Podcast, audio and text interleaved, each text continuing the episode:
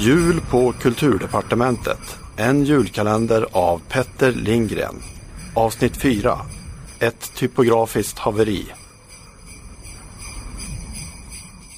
Så bar det friskt på väg. Faciten slök färgband efter färgband och redan efter tre veckor kunde vi presentera en utredning om public service framtid med titeln Anden i telefonmodemet. Utredarens slutsatser var både nedslående och uppfordrande. Public service, liksom den fria pressen och kvalitetslitteraturen, höll på att gå under. Detta till tonen av en dödsmässa framförda miljoner sino miljoner ylande modem.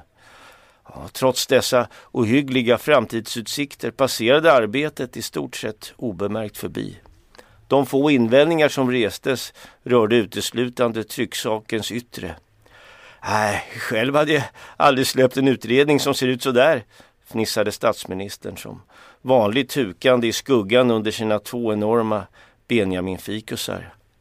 Typografiskt haveri, skrev Lennart Bromander på Aftonbladets kultursida. Kulturministerns entusiasm dämpades. Men nog uppvägdes fiaskot en smula av att vi nu kunde inräkna den nybakade konstfackseleven Sune i vår lilla stab. Må hända inte den mest rutinerade bland grafiska formgivare men obrottsligt lojal, noggrann och mycket norrländsk. Och vad beträffar Lennart Bromander så skulle han nog få se, tänkte jag. Tids nog